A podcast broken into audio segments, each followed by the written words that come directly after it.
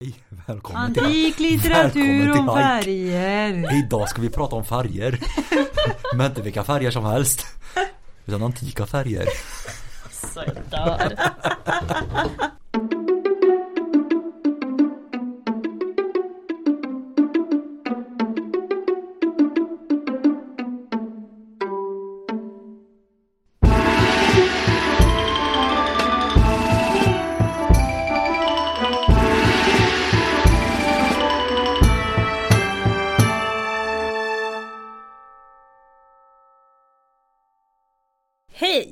och välkomna till Podius Castus, en podd om antiken. Och vi som sitter här idag, det är jag, Emily. Och jag Hanna. Och jag Adam. Och idag är faktiskt en li- lite speciell dag ändå. Eh, vi ska prata om eh, ett ämne som var tänkt att det skulle vara vårt allra första avsnitt. Vi spelade till och med in Mm. Det gjorde vi en gång i tiden. Och det gjorde vi ju typ ett år innan vi faktiskt drog igång på riktigt sen. Vi hade en fruktansvärt lång startperiod. Startsträckan var lång. jag, jag hade helt och hållet glömt bort att vi gjorde det här för övrigt innan du påminde att det här var det första vi spelade Ja. in. Jag kan ju också säga att eh, jag fick ju minnen för någon några månader sedan på Facebook. Ja, När vi hade våran antiken matdag. Ja, ja. Det var 2017. Så redan då hade vi Podius Castus namnet. Shit. Men ja. vi kom inte till skott förrän tre år senare. ja men det är så, ja. Så kan det vara. Ja, och jag tror att det här spelade vi säkert in 2018 eller 2019. Första gången. Ja, Det, ni bodde i alla fall på torget. ja precis. Jag tror att det var 18. Ja. Att jag, och att De jag bodde var... alltså i en lägenhet i anslutning till ett torg bara för övrigt så att det inte någon som De bodde inte ute på torget. Nej. Nej. Jag var inte hemlös då, nej. Nej. nej. Inte nu heller. Nej, inte nu heller. gravid och hemlös. Det, var, det hände inte. Den, Så illa fasen, var det inte den här. fasen fanns inte. Nej, den fanns inte. Okej, eh, och då ska vi avslöja vilket ämne det var kanske också. Nej, vi slutar nu tycker jag. Ämnet som eh, delvis bidrog till att vi startade en podd var eh, ett ämne som vi kallar för den vita antiken. Och den vita antiken kallas den vita antiken för att vi alla har en bild av antiken som vit. Vit marmor. Rent, tjusigt, Vit, vit kalksten, vit, inte en liksom- smutsfläck Nej, någonstans. Ja. Skinande vita tempel, Typ så. Vita kläder. vita skulpturer. Vita människor. Ja. Ja för den så, ja, faktiskt. Det hör ju ihop med detta Ja. också. Det kommer vi till sen men Men var det så då eller? ja. Nej, Nej. Nej, Eller kort, kort och enkelt. Ja. Nej, det var Nej det det inte. var verkligen Nej. inte så. tack för att ni har lyssnat. Nej, så var det inte. Och varför är det då så himla vitt? Ja, alltså det, det är ju i sig en ganska spännande historia. För vi har ju, om, för er som har lyssnat på oss tidigare så pratar vi ganska mycket om källor för det är ju det vi baserar det här på. Och det finns ju ganska mycket källor från antiken. Vi har både textmaterial kvar, alltså texter. Vi har också fysiska material. I det här fallet om vi pratar statyer så finns det ju till exempel statyer och fresker och målningar, vasmålningar. Allt, allt sånt finns ju ändå bevarat i ganska stor utsträckning. Och trots att i det här källmaterialet så finns det tydlig färg. I antika källor så beskrev man sin samtid i färg, man skrev om det.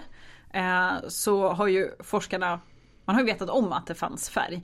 Och då pratar vi om att det här har man ju i forskarvärlden vetat i drygt 200 år ungefär. Ska jag säga ännu längre egentligen. Ännu längre men, men det är ju någonstans där det blir liksom ett forskarämne Ja, och true, sådär. true. Så, att, så att man har ju vetat om att det har funnits färg och att antiken är allt annat än bara snygg vit marmor. Men det blev ju liksom aldrig den gängse bilden.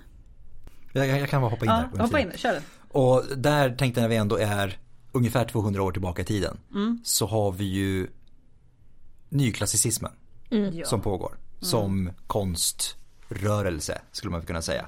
Som spän, spänner över både liksom arkitektur och konst och måleri Mode. och mode. Och just för att jag sa med betoning på måleri var för att tittar man på många målningar som tillkommer från under den här tiden så ser man att byggnadselement och ja, liknande, alltså inte kanske skulpturer i första hand men i alla fall byggnadselement, typ fresker och friser och såna här saker. eller inte fresker, friser menar jag, bara. att de har färg på sig. Jag tänker den här målningen som visar Fidias vid Parthenonfrisen. Där är ju Parthenonfrisen helt och hållet bemålad i den målningen och den är ju från 1870-80 någonstans. Liksom. Så att även, även i det, det medvetandet så fanns det färg i Ja. antiken. Och, och som, som vi säger, alltså antiken blir mer forskningsinriktat eller vad man ska säga, vad vi kan nästan kalla forskning på 1800-talet och redan liksom sent 1800-tal så hittar man en marmorstaty eh, vid utgrävning i, av Akropolis i Aten. Och den hade så tydliga färgspår att man inte längre liksom kunde ens sopa under mattan. Liksom. De var synliga för blotta ögat. Ja, man Ja. ser fär- färg liksom. Eh, och eh, det, det som har hänt innan är ju att man har sen 1700-talet grävt eh, upp en massa skatter och en massa statyer och hit och dit. Mycket färgspår eh, för, för blotta ögat. Det man gör är att man tycker att det är, man tycker det är fult. Så man ställer sig och tvättar dem. Rakt upp och ner. That's what they do. Alltså, det här sen- är ugly, vi tvättar den, nu är den vit och fin.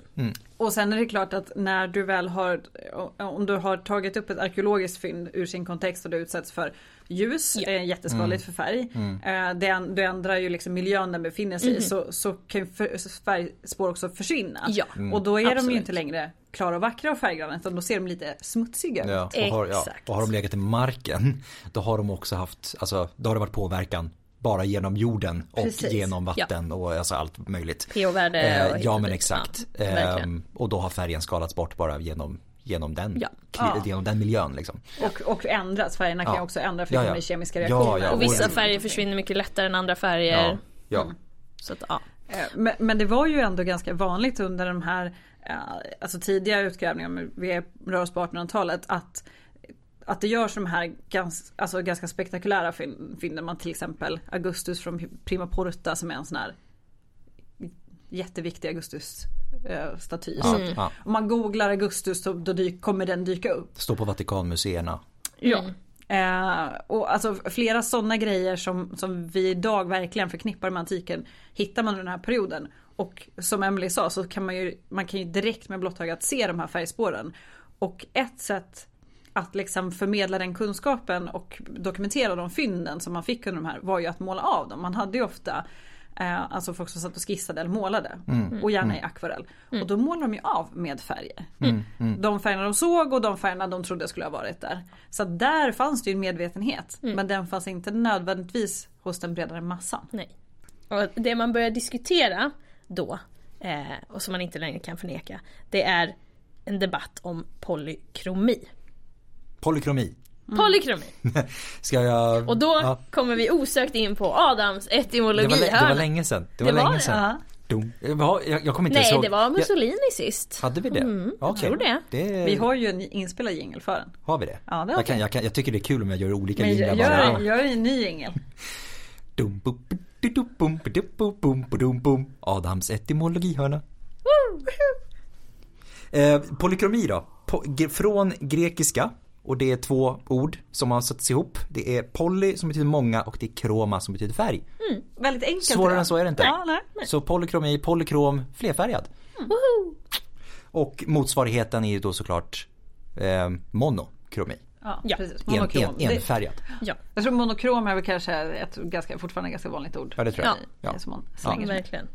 De som kommer ihåg ringsignaler kan också ha skillnad mellan poly, poly och mono. Säkert kommer ni ihåg polyfoniska ringsignaler hur hur hett det var när man fick sin första mobil med polyfoniska ringsignaler. Ja, Ja, då. vissa kommer känna igen det i Japp, alla fall. ja, Ja. japp. Och förutom då den här faktiska meningen eh, så är polykromi en vetenskaplig term eh, som man använder för att betona att till exempel skulpturer och byggnadsdelar är bemålade eller naturligt har många färger. Just det. Så För det det, är kan ett vedertaget begrepp. Ja. Precis. Konstvetenskapen håller på med sånt. va? Ja, det är ju Ja. också lite den vi har att Ja det är ja. skylla på i detta fallet. Och, och det, vi nämnde ju antika texter för att det är inte bara de här arkeologiska fynden som man får upp utan man har ju också texter som har transkriberats och översatts i omgångar sen de skrevs. Och här kan man ju tydligt se liksom när eh, dåtiden, alltså den, den dåvarande samtidens ideal sätter prägel på hur man översätter. Så ett exempel är när man översätter termen grafta andreia som betyder målade statyer. Men har översatts med målningar. Just det. Alltså det är, ja. Det är en helt annan sak. Ja, ja, man tänker att Visst, ja, men visst. de menar inte det. Nej, de nej måste men jag kan mena inte det mena andra. det. Nej, Utan nej. Det är nog så här istället. Ja. Eh, och det påverkar, för det är ju Även inom den här gruppen som, som är intresserade och forskar och så, så är det ju kanske inte alla som sitter och läser originalkällorna. Det är inte alla som bemästrar den kunskapen. Nej. Och då, klart det kommer påverka ganska många led framåt Mhm. när de här felöversättningarna görs. Verkligen. Eh, Och mot slutet av 1800-talet så har faktiskt flera essäer eh, publicerats om just polykroma statyer. Eh, Och det fanns faktiskt också flera utställningar med bemolade gipsavgjutningar av statyer, som, eller ja, oftast statyer. Eh, Men, men trots det så hänger det här med den vita antiken kvar. Det liksom, man, man kommer inte riktigt åt det där. Det är ju Mm. precis. Det, är det här liksom ständiga, ska man säga, inte av, eller avståndet kanske är ett bra ord ändå, mellan fram, vad ska man säga liksom, ehm, det som är längst fram i forskningsfronten och populärvetenskapen. Ja. För det är alltid, och sen kan det vara olika stort avstånd beroende på vilken disciplin det är och vad det handlar, vilken fråga det är och såna här grejer. Men det finns alltid ett avstånd däremellan vilket gör att populärvetenskapen får lite svårt att hänga med ibland. Ehm, så att, och i det här fallet så är det ju det avståndet som spelar in till en viss del också. Att det är så att säga, det, det som, vad man ska kalla det, det folkligt medvet, alltså det folkligt medvetande om liksom det här grejer det som halkar efter. Men det pratar vi faktiskt om i vårt allra första avsnitt, Ja. eh, Gladiatorer i film. Att vi tar upp eh, vissa, liksom, till exempel att de kunde varit sponsrade i princip. Ja, Och det tog, tog de bort ur filmen för Jo. att nej men det där kommer ingen tro på. nej men precis. Nej. Nej, och Det kommer men uppfattas precis, som ja. anakronistiskt Ja. fast det är korrekt. Ja. Det, det är precis, för att det, det är så långt ifrån gängse uppfattning att det verkar orealistiskt istället. Ehm, Exakt. Och den gängse uppfattningen speglar ju främst den egna samtiden. Mm. Att man, har, man projicerar ju en bild av antiken på antiken. Ja, ja. Ens egen bild på Jo. ja, men det här moraliskt högstående kulturen som var väldigt ordnad och ordningsam. Mm. Och till följd av det kan vara att ja, men då har man de här väldigt vita, strukturerade, släta, otroligt vackra statyerna. Mm. Men om man tittar på dem så vi vet att de såg ut, att de var bemålade. Då blir det lite så här, oj det är lite kitsch liksom. Det passar inte in med det idealet man skapar kring antiken. Och sen har vi ju, vad heter han? Eh, David, vad heter han? Alltså den här eh, statyn. Michelangelos. Michelangelos Ja. David. Ja. Ah, ja. Den är ju Den så jävla vit som den saken. Ja. kan bli. Ja, ja. Och eh, har ju då influerat eh, Ja. aningen. För, för många eh, må, Många konstnärer som var verksamma under den här perioden gör ju statyer som var klassiskt inspirerade. Eh, både att de gör statyer som, som har direkt klassiska motiv, alltså man lyfter någonting från en eh, mytologi till exempel. Eh, eller att man liksom låter sig som kung porträtteras som Herkules eller som, som Augustus eller valfri person. Och de är då inte bemålade, de är oftast väldigt, väldigt vita. Så det bygger ju på. Och det är ganska, det har jag faktiskt hört fortfarande idag, att det är många som har varit på olika museer och säger ja och så var det en sån här antik staty. Bara, Jaha, nej men det där är en 1800-talsstaty. men det är ja, många ja. som tror Jo. att den är antik, för Ja. den är gjord i vit marmor. Just det. Och vit marmor och staty är för många lika med antiken. Så, så väldigt mycket är ju från eh, 1700 och 1800-talet. Men då har vi ju faktiskt också en, kanske, jag kan ju inte riktigt eh, säga att det är the bad guy för att det är, det är en staty. Eh, eller en grupp eh, statyer. eh, som vi faktiskt har ett minisnitt om Ja, eh, också. just det. Eh, Lakongruppen. Japp. Jag har inte koll på vilket nummer det är i minnesnittsväg. Men det, Eh, inte det heller, Nej. men den heter Lakongruppen. ja det gör det. Ja. Ja. Men finns där i Ehm, listan. Sök. Ja. Den grävs fram 1506 eh, i ruinerna av kejsar Neros gyllene hus. Ja. Eh, basically i närheten av eh, Colosseum. Colosseum. Ja. så. Låg, Colosseum var ju En sjö. den sjön han hade i mitten på sitt gyllene hus. Ja, för han eh, efter att halva Rom brann ner så smällde han upp ett palats över typ två tredjedelar av ytan och sen Ja. en sjö på resten. Japp. Han var inte superpoppis efter det. Nej. Eh, och när man gräver fram den här eh, gruppen så har den inga tydliga färgspår kvar. Men den är ju så jäkla cool. Ja, ja, Ändå. verkligen. Den, det är ju mycket rörelse i, i statyerna. Den hel- Otroligt mycket känsla. Den hellenistiska barocken. Ja. Ja. ja. Eh, och det här gör ju då att så här, gud vad vackert. Alltså att då inspireras man. Och Michelangelo då med, Ja. med David och hela alltihopa. Ehm, och, och på den vägen är det. Ja. Idag kan vi ju då med andra medel se färgspår som inte syns med blotta ögat. Ja, ja, ja. Så Och, och då när det, alltså när sådana mästare som Michelangelo och Bernini eh, och- som tillhör de här riktigt, riktigt skickliga, det finns jättemånga, men, men de är några som är kanske namnkunniga, tar fasta på det här och inspireras. Och de sen blir så stora och viktiga i sin tur. Så nästföljande generationer tittar tillbaka på dem så blir ju det här liksom ett en, det sätter ju en boll i rullning som Ja, kommer det. rulla ganska länge. Och särskilt när de också använder sig av mycket antika motiv Ja. i, sin, i sina skulpturer. Så blir det ju någon sorts, liksom, vad ska man säga, någon sorts bekräftelse på den här uppfattningen.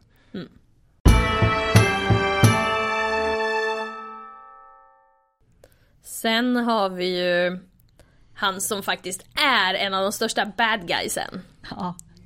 i uppfattningen om den vita antiken. Och det är en snubbe som hette Johan Joakim Winkelmann. Eller Winkelmann, han var väl tysk I guess. Eh, född och verksam på 1700-talet. Första halvan av 1700-talet. då, Liksom. Eh, han då var eh, biblioteka- bibliotekarie i Rom. Och eh, fick 1763 i uppdrag av påven att eh, övervaka då hur man vårdade stadens antika minnen. Som någon form av så här riksantikvarie. Ja men, Ja, men typ, något det är sånt. liksom, Ja, ja, ja. men Eller stadsantikvarie kanske, bättre. Ja. Och eh, han var ju lite, han gillade det grekiska. Om man säger så. Så han flyttar då, vilket är ganska spännande då, i, verksam i Vatikanen. Vi f- flyttar fokus från Rom till Grekland. Eh, och gör den antika marmorskulpturen till liksom den här ideala grekiska skönhetsbilden på något sätt. Liksom. Ädel enkelhet och stilla storhet. Och då kommer vi in i lite det, som leder sen till så här rasbiologi och hela grejen att det är så här det civiliserade och det vita är ju västvärldens arv då. Och det, det är liksom det, det är vitt. Och vi är alla vita och, och och, och de, de, vi är släkt med dem i rakt nedstigande led även fast det är flera tusen år sedan. Ja. Och det här är ju, det är så, eller det är intressant nu när jag kan ha lite distans till det för att det är ju faktiskt baserat på missuppfattningar, medvetna eller icke medvetna. Eh, både att det som man tänker på de här antika grekiska marmorstatyerna är ju oftast romerska kopior Kopior av- grekiska original som var i brons Ja, och inte vita Nej. per definition då. Ja. Till att börja med. Men sen också att, att det är just det här den ädla enkelheten. Mm. Det var ju ingenting som uttrycktes liksom Det var ju ingenting som de antika skulptörerna höll på med om vi nu Nej. pratar Nej, skulptur. nej, nej. precis. Nej. Utan det här är ju en, den kulturella identiteten man under 1700 och 1800-talet jobbar på. Den nationella identiteten, nationalismen som Ja, kommer in. Eh, som man då speglar bakåt. Eh, och just det som du sa, att man ser det här arvet och man ska länka ihop. Och då väljer man ju lyfta, man plockar ju russinen ur kakan. Man lyfter ju det man tycker om med den antika kulturen. Det man tycker är fint och, och älskvärt och så vidare. För att liksom boosta sin egen image. Ja. Och också distansera sig från det som inte är västvärlden. För det är lika mycket vad man själv är som vad Mhm. man inte är. Ja. Vad alla Ja. andra är. Ja, och gud vi skulle kunna ha ett helt avsnitt om identitet. Ja. Men, för då har vi ju Egypten till exempel. Där allt är bevarat. Du har mycket färger, du har mycket liksom prål. Nej nej men det, nej, det är ju barbariskt. Då blir det dekadent Det är istället. dekadent och det är inte, det är inte värdigt och det är inte Nej. intellektuellt och Nej. det är... Det ska Ja. vara propert på något sätt. Och det, Ja, men, ja. det, vad som är propert lägger man liksom vikten på. Det är också det jag ska säga det, det är en väldigt begränsad bild av antiken man också lyfter fram egentligen. Absolut. Extremt För det, det är egentligen om man tittar på liksom just, ja men ta hans exempel, det han beskriver, ädel enkelhet och stilla storhet. Utesluter ju i stort sett hellenismen helt och hållet. Och det är ju, det är ju inte, tar egentligen inte heller med ar, den arkaiska perioden för den är lite för liksom, det är lite för mycket Egypten, det är lite liksom lite åt det här. Det är för tidigt. Ja men precis. Så att egentligen det är bara det klassiska Aten har kvar till slut. Som man tittar mot och har som ideal. Ja, och då är vi 500-talet före vår tideräkning Ja, och det är, ungefär. precis. Och det är en yt- som sagt ytterst kort period det har att göra med och det Ja. mesta utav det som sagt är kopior. Precis, det är så ja, mycket, ja. långt mycket senare kopior. Romerska kopior Ja. och Ja. grekiska original Ja. som ofta var i brons. Exakt. Ja. Dessutom. Ja. Och det, det är otroligt spännande om man börjar det är ingen av oss här som är konstvetare men om man börjar titta på de här olika delarna och se hur det liksom spelar in i samhällsutvecklingen i stort. För att du nämnde ju Egypten Emily och det blir ju populärt sen. Ja, ja. Men då kommer det in med, liksom med så här, lite mer roaring twenties. Då Ja. blir det lite mer där. Då blir, då blir det helt plötsligt Mm. Jättepoppis art deco. Då är vi där. Men innan så är det verkligen, ja, man, verkligen Men det här är en annan typ, det här blir ju ett identitetsbyggande. Ja. det här är Ja. vi, vi är Precis. dem. Ja, ja. Egypten är ju aldrig det. Nej, Det nej, är, någon det är sorts, för det är nästan bort. lite, det är lite, man går på zoo. Ja men det blir Ja. precis en exotifiering av, precis. Ja. För man, man kan ju inte, eller det blir, det blir väldigt svårt att acceptera för, för vissa att att vi har en felaktig bild. Att det är inte den, det, här, det vita, det är inte den vita människan. Nej. Eh, som har åstadkommit de här storheterna. För det här är ju ett problem man har brottats med jättelänge. Eh, som vi har pratat om även i andra avsnitt. Att Om man tittar på de här antika kulturerna som åstadkom så sjukt häftiga grejer. Alltså det är liksom de här monumentala byggnadsverken, de här samhällsstrukturerna. Eh, bara bevattningssystem som ett exempel. Det, det, det är så otroligt häftigt. Men att det inte skulle vara byggt av en vit man.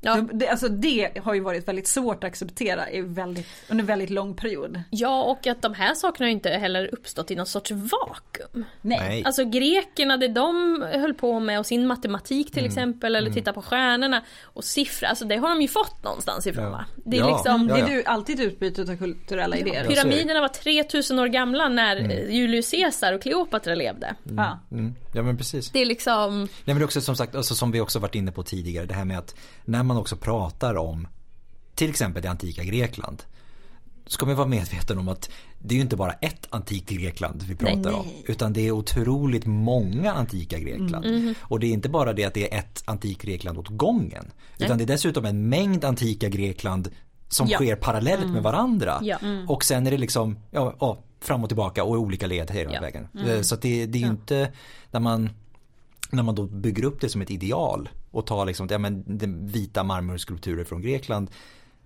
Det är inte mycket man har att spela med. nej nej. Nej. Nej men det, men det, är- det är samma om man rör sig ännu längre tillbaka i tiden till grekisk bronsålder.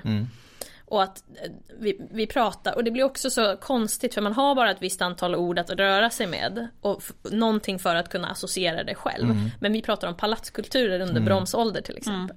Vad är ett palats? Vad är våran idé om ett palats? Ja men precis. Och då har man byggt upp någon sorts, liksom, ja det är stora ståtliga marmor eller stenbyggnader och hit och dit. Och sen så läggs det fram förslag på att, mm, var det verkligen så? Ja men Och motståndet inom forskarvärlden som det möts av är ju galet. Och det är ju också delvis därför vi sitter här idag där folk bara, jaha var det inte vitt? För att forskarvärlden också under lång tid har varit väldigt motsträvig. Bara, men nej nej, det passar inte in i min bild. Nej. Eller det Nej. jag tycker att antiken borde vara. precis. Men här har vi ändå faktiskt haft väldigt stor nytta av ny teknologi och att det finns så många Alltså kunskap har ju blivit mycket mer demokratiserat med till exempel internet. Ja. Eh, Så nu finns det ju jättemånga som inte nödvändigtvis är forskare inom antiken eller men, men som sitter på kunskap till exempel med 3D-modellering i datorer och gör rekonstrueringar utav till exempel romerska kejsare. Hur såg de faktiskt ut? Ja. Och ger dem färg. Ja. Och då pratar vi inte att de får så här bara blå ögon utan här pratar vi om folk som inte bara har varit eh, nordiskt grisvita eller Nej. grisrosa i ansiktet. Eh, och vi vet ganska mycket om de romerska kejsarna, vi vet var de kommer ifrån, vi, det finns faktiskt beskrivet vad man har för hårfärg och så vidare. Och med den tekniken eh, och med DNA-teknik så har man kunnat börja återskapa faktiska individer, hur människor såg ut. Vilket förhoppningsvis också ger en lite mer nyanserad bild av. Så att man inte bara Verkligen. har de här supervita amerikanska skådisarna som bara ska spela Man ska göra egyptiska gudar och det är vita amerikanska skådespelare. Ja, nej. Nej, nej, nej. Och där, och, till och, exempel. och, precis, och när vi ändå är inne på det, där också liksom, Hollywoods guldålder har otroligt Ja. mycket med det att göra också Mm. såklart. För när Hollywood, också när spelfilm blir en grej så Ja. är ju Mm. antiken är ju jätte... Vi kan ju liksom sluta Ja. oss till att Cleopatra såg nog inte ut som Elizabeth Taylor. Nej, Nej, förmodligen inte. nej.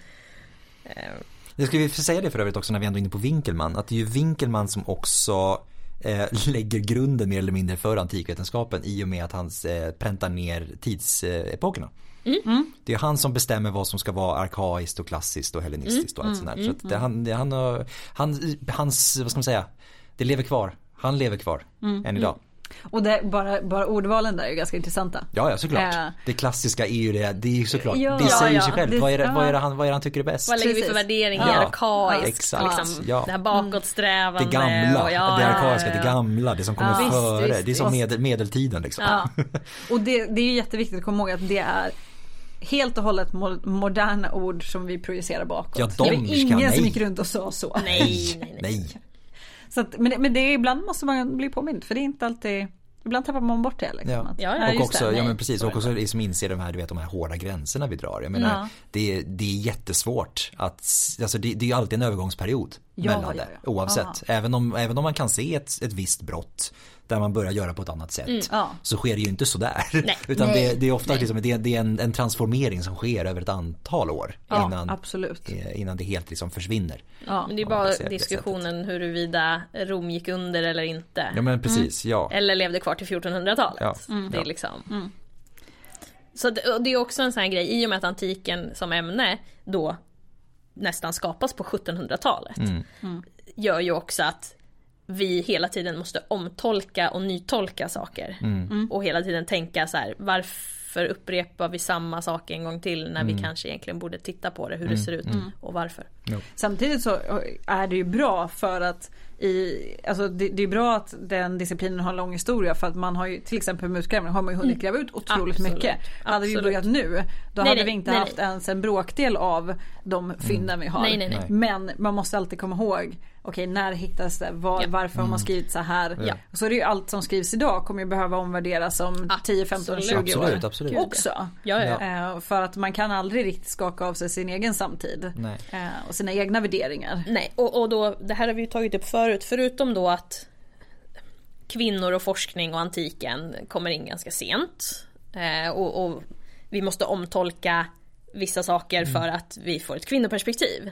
Typ såhär, varför har den här kalendern 28 dagar? Och så kliar man sig i huvudet så kommer en kvinna bara, ja för att kvinnor har mens. Typ. Så har antiken ett jätteproblem med diversity. Och det är ju ofta för att, alltså det här, det här var ju också, det här ämnet kom till och, och blev liksom ett, ett eh, studieämne i, i väst, framförallt i Europa, sen även i USA av eh, den akademiska och kulturella eliten som var vit, Ja. eh, som var av en viss samhällsklass.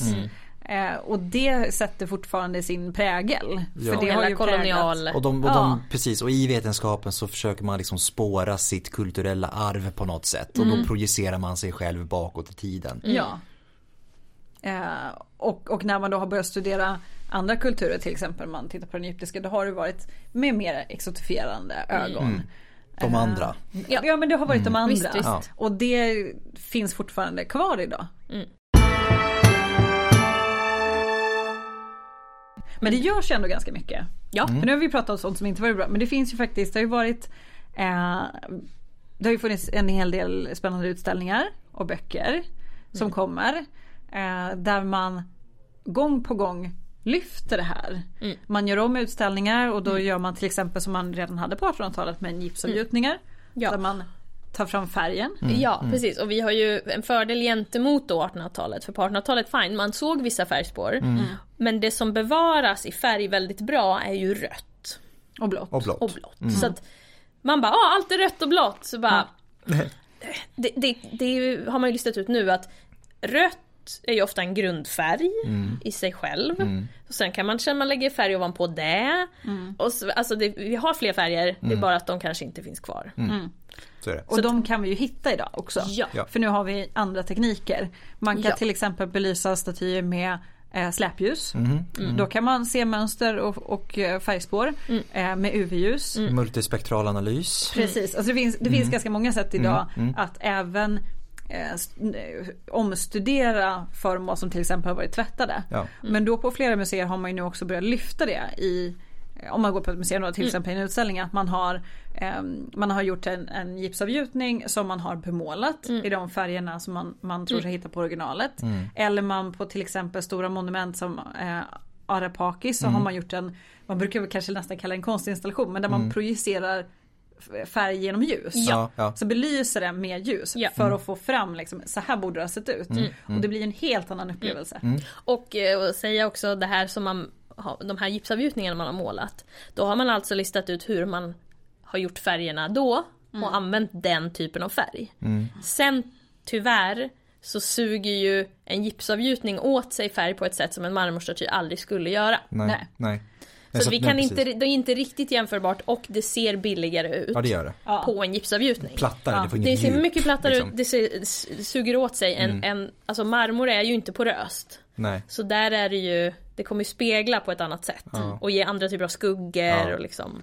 Och sen ska jag också komma ihåg att väldigt många av de här eh, platserna, till exempel om man pratar på ett tempel och man har friserna högt upp. De sitter högt upp, du betraktar dem från en annan vinkel. Ja. Ja. Mycket av det här står utomhus, Ja. det utsätts då för väder och vind. Ja. Ja. Och därför så kommer det, det kommer med tid bli liksom smutsigt vilket kommer skapa skuggor och dynamik på ett annat sätt. Och ska du titta på någonting som är 20 meter upp i luften. Och det är vitt. Du kommer inte se ett skit. Nej. Nej. Nej. Du gör inte det. Särskilt när solen ligger på. Man glömmer liksom komma Ja. ihåg att det är ganska mycket sol här nere. Och- I, Ja, och sen är det också spännande det här med att man väljer det här yttre vita på något sätt. Det är tempel, det är statyer. För går du, in, går du in i ett hus i Pompeji, alltså det är så mycket färg. ja, Ja, ja. ja, Alltså de väggmålningarna är ju out of this world. Ja. Hur mycket färg det är. Ja. Men- Och hur man då, som du sa förut Hanna, det här med att man väljer. Ja, ja, Man bara, men alltså på riktigt, hur tror du att det ska vara helt vitt ute när det ser ut så här inne i ett hus? Ja. Men, och också om man tittar på, om man just har statyer som exempel. Där man liksom ser att de har varit så detaljrika med vissa grejer. Sen så andra självklara grejer finns inte. Typ ögon. Och bara, okej men varför har man inte satt dit varför har man inte gjort ögonen tydligare? Ja men det var ju för att de var bemålade. Såklart. Och det måste man ju ha fattat. Man valde bara att förbise det. Ja, och sen har vi ju då eh, också en tidsperiod med där man ändrar sättet man, eh, man eh, vad heter det, hugger ut statyerna. Ja, man, ja, ja, du menar när man börjar markera Man börjar, man börjar, man, irisen. man, Ja, man, man precis. hugger ut Ja. irisen. Eh, och liksom man kan ha olika grejer. stenläggningar och så. Ja, men, ja. men det finns ju också eh, ibland ett medvetet missförstående. Ja. När man tittar på om man gillar eller inte. Gud ja, men Eh, verkligen. Men om man skulle vilja se Alltså det, som Emily säger, det kan ju vara svårt att liksom förstå hur det ser ut. Men om man åker till barockslott idag. I Sverige så, så är det Skokloster som jag tänker på som ett bra exempel. Där man har stuckaturtak, alltså gipstak. Som, som har ju en, en 3D-relief. Då, då kan man ju jämföra, hur ser ett helt vitt stuckaturtak ut gentemot hur ser ett bemålat stuckaturtak ut. Det ger ju ändå en skillnad på, framförallt om de finns i närliggande rum. Så man kan gå mellan och se, okej hur stor skillnad är det här när det är en bit upp, det är en bit bort. Ja. Det gör ju ganska mycket om det är färg eller inte. Men Så att. Att man ska ju liksom inte tänka på antiken som de här vita tågaklädda männen som går runt på, vid vita tempel med liksom en kolonnad och allting var Nej, för, det är ju spännande för allt är ju också marmor i, då, nu pratar jag främst eh, populärkultur, typ Ja. tv och film. Där Ja hela rummet är typ marmor, man bara alltså 90% är typ trä men eh, sure. och så slum. Ja Precis, och ja, slump. ja, och där precis. måste jag ju säga, där är ju fortfarande Rome TV-serien. TV-serien, Rome ja. helt fantastisk Mm. och helt banbrytande i hur man framställer antiken. Mm, Första gången tror jag antiken framställs som skitig Mm. och i färg. Ja. För vitt, man ska också komma ihåg att vitt är svårt. Ja. Ja, På textilier är Oh, vitt svårt att få fram, vitt, vitt är svårt att hålla vitt. Finns inte hur många stensorter som helst som är vita. Alltså det, det är inte heller speciellt lätt att Nej. åstadkomma Nej. vitt. Nej, också för throwback till vårt faktiskt första avsnitt. Som, om vi ändå, om vi hade gjort en throwback Ja. tidigare så Ja, kan vi göra en till. Jag tänker att sinnebilden av hela det här, jag tänker tanken på det vita antiken och allt. Titta på scenen i Gladiator med Russell Crowe och Ja. Joaquin Phoenix. När, kejs, när Commodus så att säga gör sitt återtåg i Rom, när han kommer tillbaka och ska liksom hälsas av senaten och alltihopa. Den scenen med liksom så som Rom ser ut i de scenerna. Ja. Det tänker jag, det är liksom lite så här sinnebilden utav det här man, som, som lever Ja. igen liksom. Och det var ju Kontrastera det sen mot som sagt Rome i eh, Ja, HBO's och, och Rome. just den scenen är ju också Ja men det är Albert Speers våta dröm. Den är så... superfascistisk. Ja och, det, och det, det finns ju en mening med det. För Ja. han gjorde ju ett aktivt val där Ja. faktiskt. Att göra som en spoof. Ja. På, vad är det, är det Hit- Vi- Viljans triumf? Eh, eller det, det är Hit- någon, det är Det någon Hitler, det är någon propagandafilm i alla fall från. Nazityskland, exakt. Som där han den ser exakt likadan ut. Ja men precis, exakt. Jag tror att det är Viljans triumf. Ja, eh, ja. Som, som han gör en, en spoof på. Så det är ju medvetet Ja. val. Men jag tänker att det är ändå på något sätt liksom talande för just den här eh, bilden eh, Mhm. av det här vita marmorbeklädda Rom. Mm, Liksom. verkligen. Nej så att eh, om ni inte har sett Rome, i alla fall första säsongen, jag har fortfarande inte sett, jag har sett ett avsnitt i andra. Nej, men andra säsongen inte. blev, man, man, Den går för snabbt fram. de skulle göra tre säsonger, Ja. fick inte det. Nej, var fick- tvungen att göra två säsonger i en Ja, istället. så Så att, ja. Men, men för att se just den, den här eh, ja, men scenografin Mm. och det. För man ska ju det luktade jävligt illa. Alltså man kan inte liksom, tänk er en levande stad. Ja men precis, också så här för 2000 år sedan. Ja. Det är väl liksom, det är inte samma, samma förutsättningar för bortförsel av Ja det pratade vi om i sanitetsavsnittet i och för sig. Men just det här med att det, det blir äckligt på ett Ja. helt annat sätt. Ja. Jo, tänk dig då att du skulle försöka smälla upp en hel stad som är vit. Men det skulle ju aldrig Ja. ha gått. Även om du Nej, ville. nej, Det är liksom. Ja. åsneskit överallt. Ja, Ja. det bor människor här. Ja. Liksom. och det är många människor på liten yta. ja, det är väldigt Ja. många människor på liten Ja. yta. Eh, En pytteliten bostadsyta.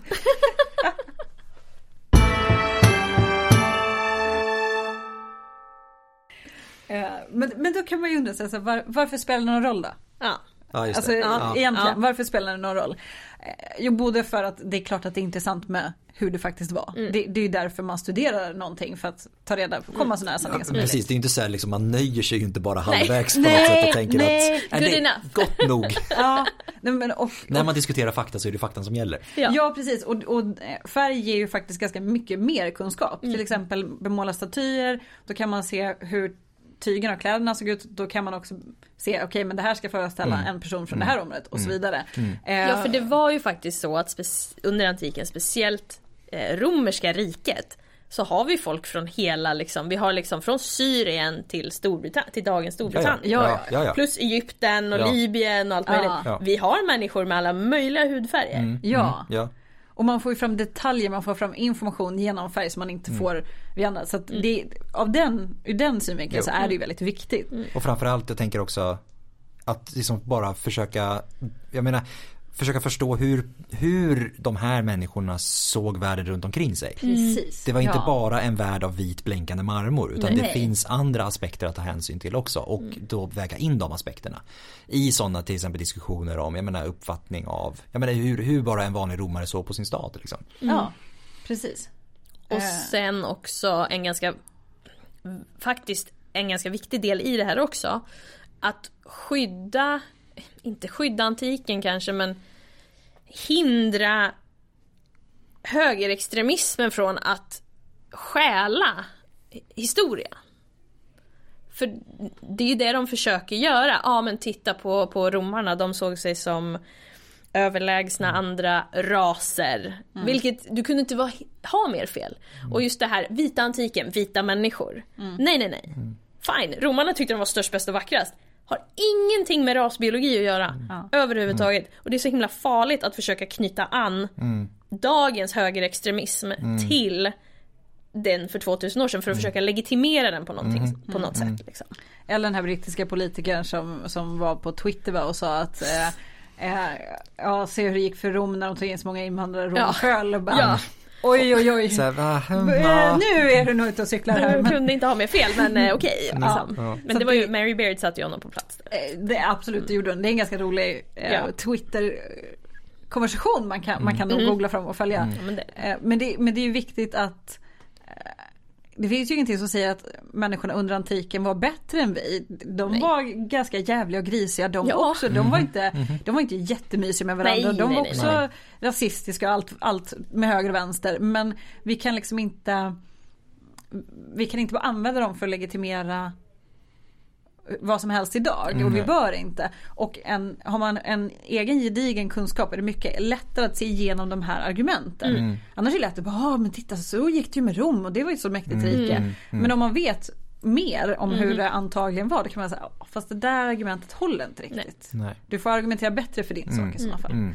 Och också att faktiskt titta på Alltså titta på ämnet antiken och hur den har använts för att legitimera under ganska många hundra år olika agendor. Eh, och hur det faktiskt präglar oss. Vad, vad, man, vad man gick in med för ingångsvärde och, och hur man använt det för att till exempel legitimera att vi i, eh, i museer i Europas huvudstäder har jättemycket föremål från andra kulturer som har kanske inte hämtats med så legala medel alla gånger. Eh, och varför de ska vara kvar eller inte vara kvar. Det är ju en sån diskussion som faktiskt hänger ihop med liksom hur de här ämnena uppkom. Och sen bara så här legitimera för folk som inte är vita att de faktiskt har existerat i historien Ja, och existerat inom den här kontexten. Ja. Och, och bara liksom att levandegöra det i populärkultur möter ganska mycket motstånd. Vilket är Ja. ganska obehagligt. Ja. Det var ju någon instans, de gjorde någon, minns jag inte vilken serie det var, eh, om, om Rom. Där de hade en av soldaterna, eller romerska ämbetsmännen som var svart. Och det blev ett jävla liv. Och då kom också Mary Beard, alltså hon är bästa. Hon är klassicist, hon är professor i antik. Eh, En av antikens kändisar. Eller, Jag måste säga det, ja. professor. Där hon kommer och liksom så här, förutom att du har fel då att det fanns människor med alla möjliga typer av hudfärger så pratade ju ingen heller brittisk-engelska under antiken väl? Om vi nu ska Nej. vara petiga. Nej. Ja. Alltså det var så jävla klockrent. Men bara en sån sak är ju också Mm. Ja, absolut. att, vi, att det här whitewashing är fine liksom. Mm, ja. Men att försöka eh, framställa antiken på något annat sätt än med vita människor är så här, nej men gud så där kan det inte vara. Jo så kan det Ja. vara.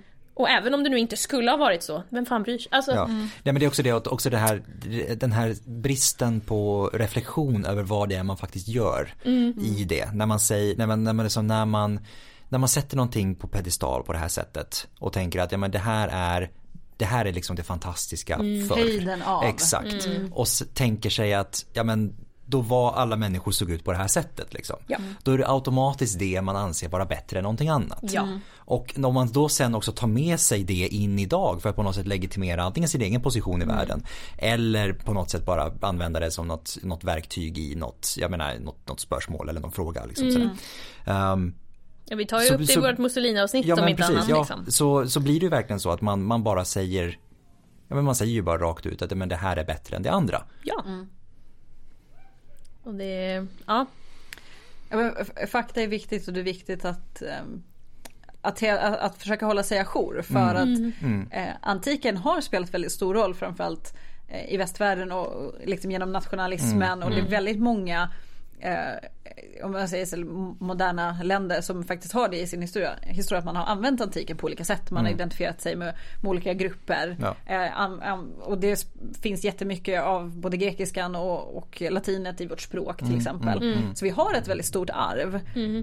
På gott och ont. Ja. Men det är också därför är det lätt för många att använda antiken som exempel i politik eller i andra frågor. Och då kan det vara bra så här, ja, fundera ett varv till och säga, ja men stämmer det där verkligen? Ja. Ibland stämmer det, ibland inte. ja men visst. Ja. Det var, Är det någonting mer vi vill ha sagt? Nej. jag tror vi har rantat på bra.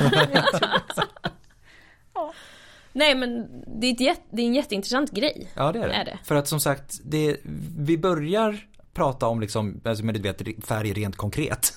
och liksom, jag menar färg på skulpturer, färg på arkitektur. Men sen inser man att när man drar det några varv till att ja, men det handlar liksom om färg i, jag menar, på andra sätt också. Det är inte bara de här rent, ska man säga, fysiska färgspåren på Nej. saker. Nej. Nej. Utan det handlar liksom också om färg, ja vad som sen blir då kanske rent rasbiologiskt medvetande när man kommer, fram i, kommer fram i tiden.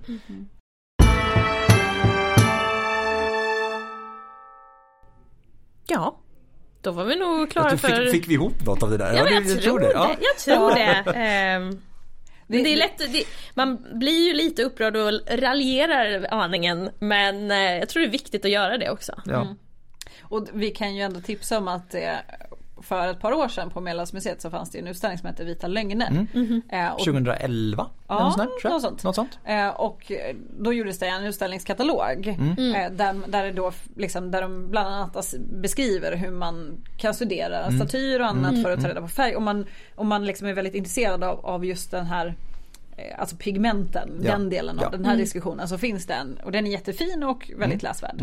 Eh, för det var ju ett samarbete med Något tyskt. Ett tyskt- eh, För det är en vandrande, precis. Ja, det var, det var en den, den lever väl fortfarande? Det? Jag tror jag tror det. Jag tror det. Det var en vandringsutställning som, det Men var, var den väl inte här 2009? Jag tror, ja. 2011 tror jag. Var det så sent? Jag tror att det var Okej. jag, tror, jag ska inte svära på det men jag tror att det var googla? Gör det, gör det, gör det. Men under tiden, jag, jag googlar under tiden. För jag tänkte bara säga, det var ju också, mycket av utställningen hade ju med de här eh, pedimentskulpturerna från Afaya-templet. Precis. Med, på, på ägorna. Med den här, den som blev lite utav the poster child för utställningen, den här persiska bågskytten. Ja, med de här supersnygga tightsen. Exakt, Ja. eh, som är liksom lite fjällmönstrade med Precis. eh, rött, grönt och gult. Och Nästan det lite sådär. Harlequin-mönster. Verkligen, verkligen. Ehm, och man kan också tipsa om att ifall man vill se, om man, om man missade den utställningen, ehm, och eller, eller bara vill återuppleva den, så, så finns det ganska mycket fina bilder från den utställningen på Medelhavsmuseets databas Carlotta. eh, som man kan eh, googla sig fram till. Och även om man googlar den för då kan man se att just den här posterboyen, Ja. bågskytten, finns ju faktiskt också färgsatt på olika sätt. Ja, med olika Mm. färger. Så det är också intressant att se eh, hur, hur, man, hur annorlunda den kan se ut beroende på vilka färger man sätter på. Mm. Eh, så att det, det är ett tips. Mm. Och där står det ju mer om antika pigment, alltså teknikerna man använder för att måla statyer och liksom det, det rent tekniska kring Precis. det här ämnet. Och som sagt, vill man så jätte, kolla jättegärna upp också Du eh, hade rätt Adam, 2011. Ja, ser mm. eh, Vill man så kan man också kolla upp, eh, vad heter det, färgprojiceringen av Arapakis. För den också, Ja. det är också ett, ett annat sätt då, om man inte så att säga tänker sig eh, måleriet. Nej. Eh, eller liksom den här gips, eh, gipsavgjutningshistorien liksom. Så är det också ett sätt att levandegöra eh, anti, alltså vit, vit marmor på. Att, att projicera genom videomapping helt enkelt. Precis.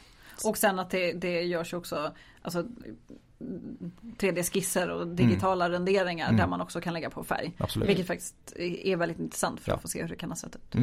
Sen finns det ju också väldigt många artiklar och det finns en del böcker också om just det här eh, det vita antiken och, och om vi pratar åt det rasist, rasismen och, och identiteten som vi har skapat kring det nationalism. Ja. Så finns det faktiskt, så man googlar typ så här white antiquity Ja. så har man flera forskare då Ja, som, alltså det- som har skrivit artiklar om det här och liksom Det är ju typ ett av de centrala teman när det gäller liksom, vad ska man säga, ren så vetenskapshistoria inom antiken. ja, så är, finns det få ämnen som egentligen är större. ja, Nej, men verkligen. För det är just den här, det, det är så centralt för självbilden på något sätt. Det, det är ett Eh, arv liksom- man måste ta itu med. Ja men precis. Verkligen. Det är lite som när ja, men kristendomen och Jesus. Han var ju verkligen inte vit om man säger så. Liksom. Nej. Den här klassikern att om, om Jesus skulle försöka flyga in i USA idag skulle han sitta flera timmar i förhör. Precis.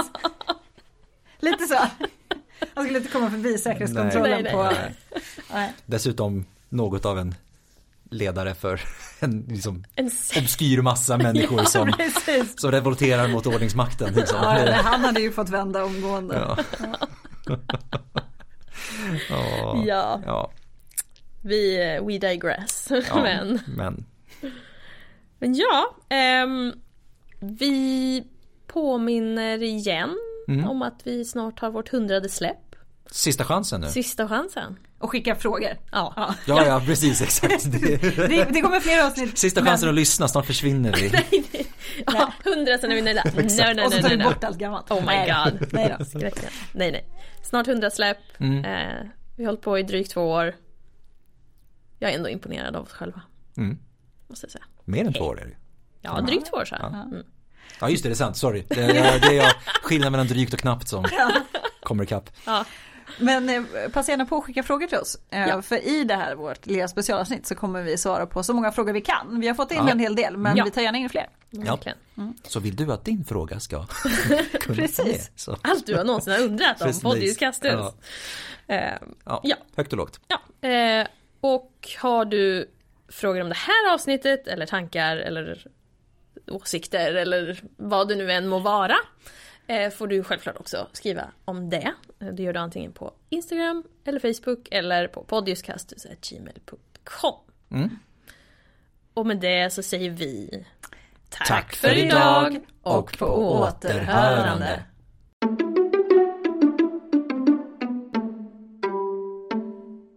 Idag ska vi prata om färger. Hej allihopa. Hej alla barn, nu blir det barnprogram. Titta här vad farbror Frej tar fram. Två stycken äpplen och en banan. Se nu har vi gjort ett litet könsorgan.